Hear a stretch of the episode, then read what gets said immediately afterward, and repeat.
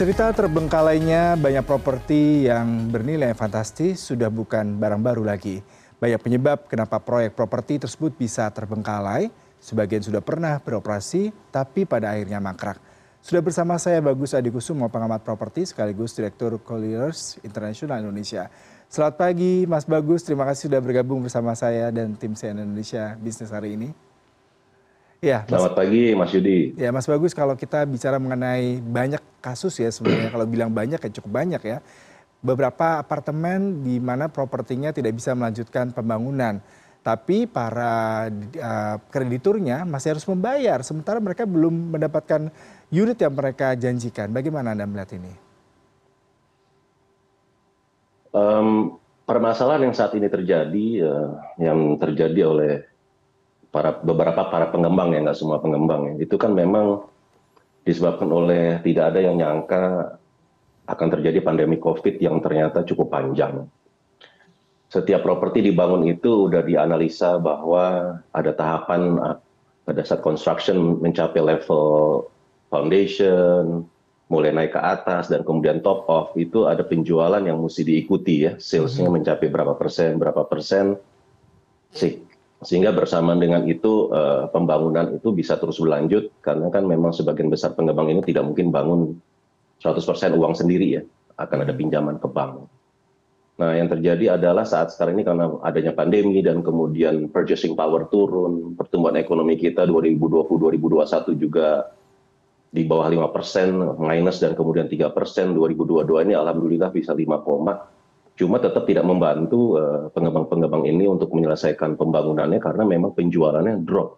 Penjualan apartemen saat ini dropnya cukup drastis. Mm-hmm. disebabkan oleh karena pembeli ter, apa transaksi penjualan para pembeli ini sangat sangat berhati-hati untuk untuk membayar dan kemudian penjualan drop sehingga pengembang tidak dapat uh, melanjutkan.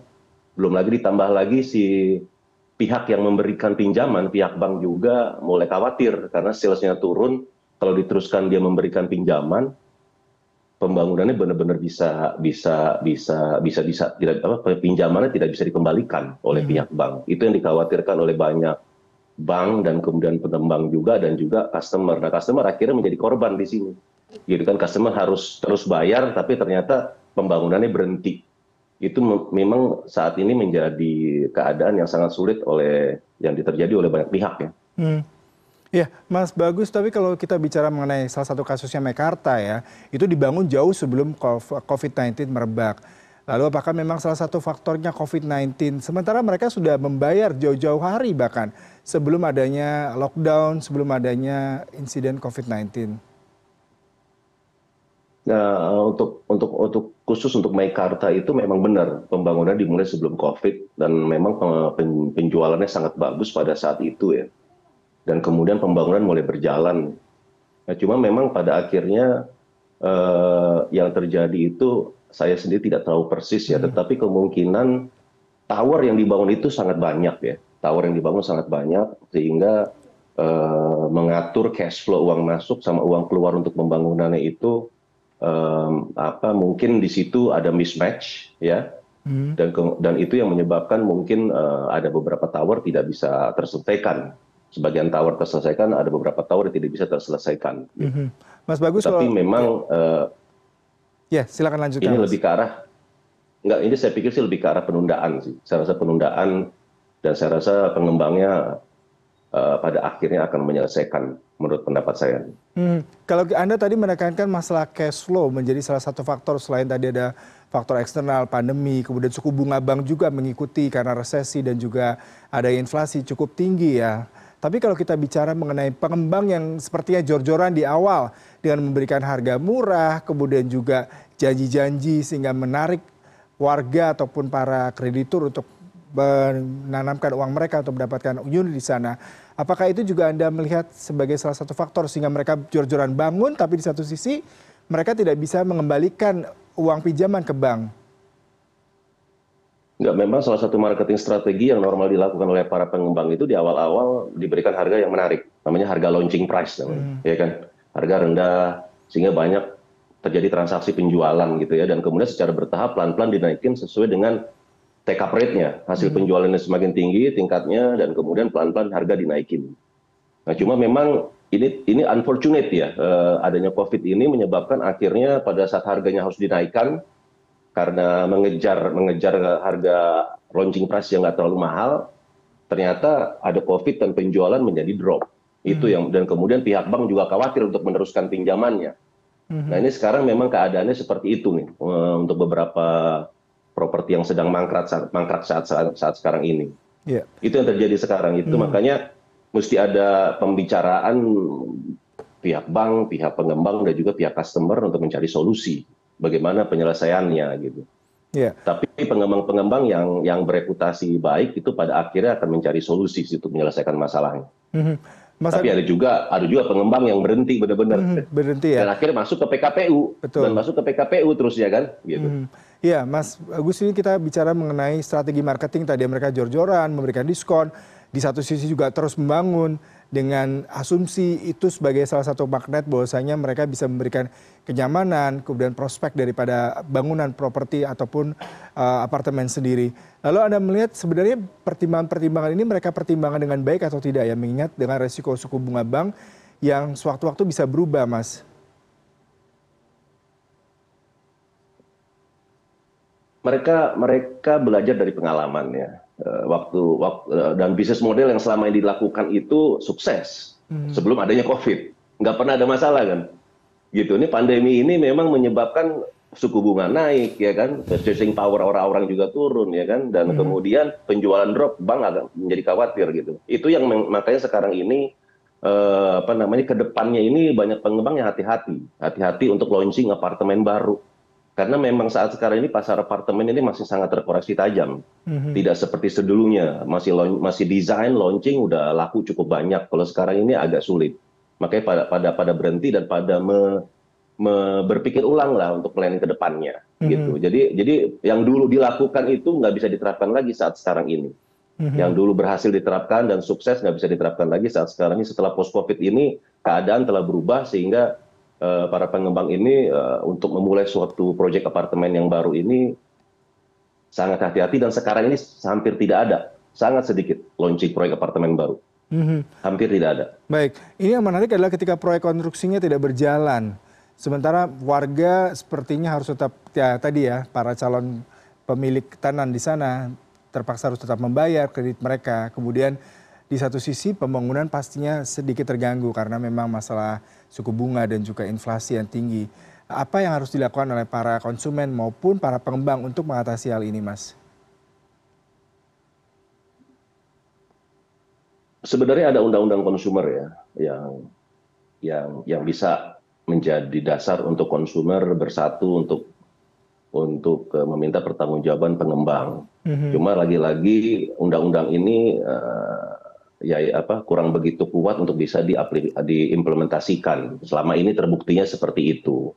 Sehingga sehingga pihak konsumer ini pada akhirnya karena undang-undangnya tidak memprotek mereka dengan baik, ya mereka melakukan apa ya karena pihak pengembang dianggap tidak melaksanakan kewajibannya ya pihak si konsumer juga berusaha menghentikan kewajiban membayarnya biarpun mereka mengetahui mereka ada kewajiban membayar tetapi kan kalau pembangunan berhenti secara otomatis kenapa si konsumer mesti terus melanjutkan pembayaran nah ini yang saya bilang eh, kedua belah pihak memang harus duduk nah permasalahannya kalau pengembang yang nakal yang yang tidak bertanggung jawab itu diajak ketemu aja susah. Kalau konsumer kan pada dasarnya ujung-ujungnya mau bayar mau dapat unit kan. Tapi kalau udah melewati waktu yang udah dijanjikan di dalam perjanjian awalnya khawatir mereka berhenti untuk melakukan pembayaran dan minta ketemu sama pengembangnya minta pertanggungjawaban. Nah, kalau pengembangnya juga diajak ketemu susah jadi menjadi sulit. Akhirnya ini yang menjadi menjadi menjadi tidak ada solusi. Sampai akhirnya mungkin eh, apa ke, ke PKPU tadi yang saya sampaikan ya pihak bank mulai bertanya kenapa nih eh, dan segala macam pembayaran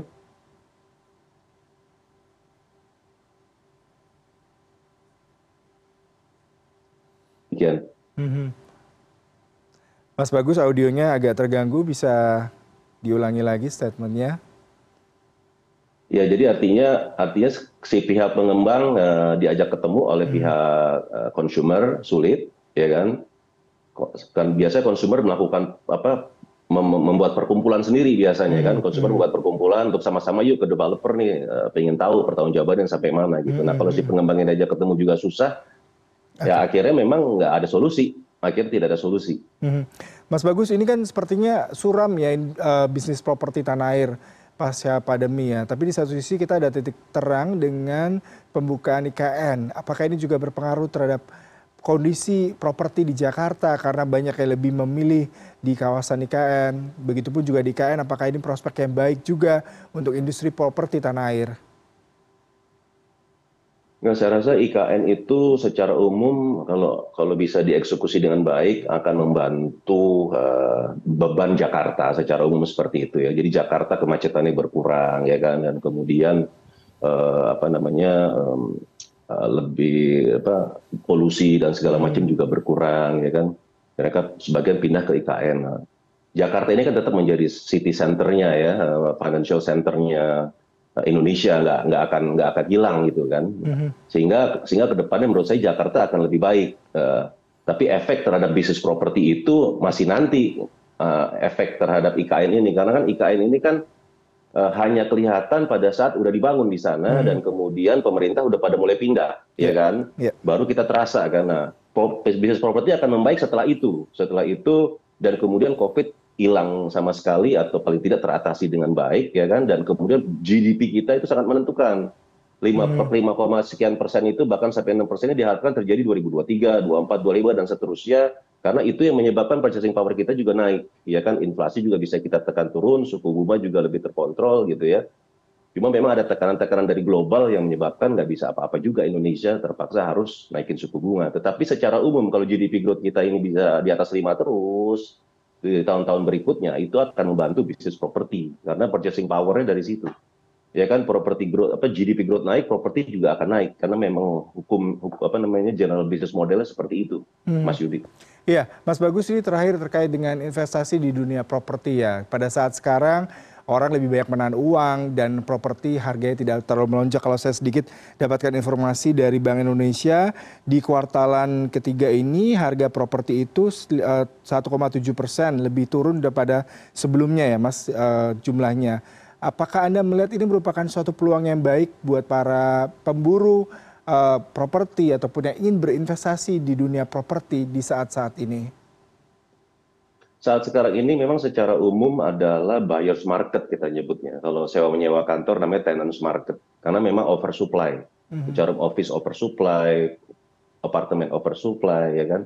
Dan mm -hmm. kemudian kalau bicara retail dan lain sebagainya itu tidak ada orang bangun shopping mall baru dan kemudian covid sudah selesai jadi mereka bisnisnya udah mulai balik hotel balik gitu ya nah secara umum karena oversupply dan menjadi buyers market ya opportunity mm-hmm. buat pembeli mencari properti sekarang ini gitu kan nah cuma mm-hmm. memang yang namanya pembeli itu kan raja jadi mereka kalau mau cari pembeli itu ada yang memang ada kebutuhan membeli sesuatu karena memang urusan kantor ada yang memang opportunistic buyer mm-hmm. nah opportunistic buyer ini cari barang yang memang diskonnya besar mm-hmm. gitu nah seller ini si penjualnya on the other hand ada yang memang ada kebutuhan serius sehingga harus jual murah. Pada saat jual murah itulah ada pembelinya. Tapi kalau jualnya nggak nggak terlalu rendah, nggak uh, pembelinya nggak banyak gitu. Mm -hmm. Jadi sekarang ini kebanyakan opportunistic buyer yang ada gitu. Banyak yang menik apa uh, waktu yang tepat untuk pembeli mencari properti saat sekarang ini, tetapi selektif ya.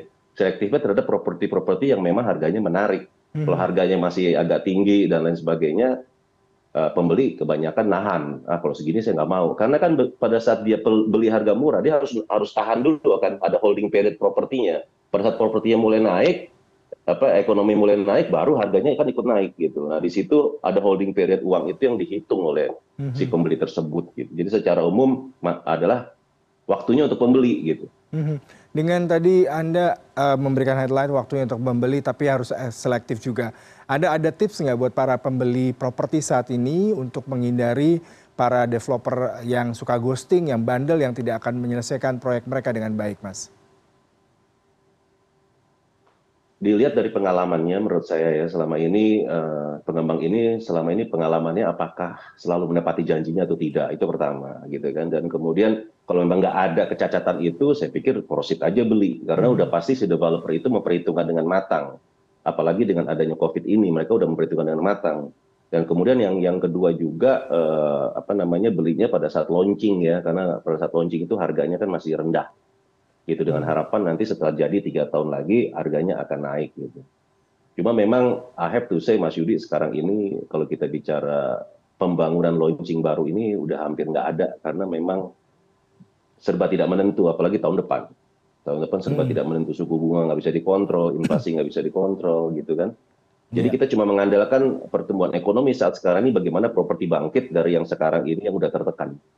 Baik, terima kasih sekali perbincangannya dan insight yang menarik terkait dengan industri bisnis properti saat ini dan juga tipsnya buat para calon pembeli. Selamat pagi Mas, selamat bertugas kembali. Sama-sama.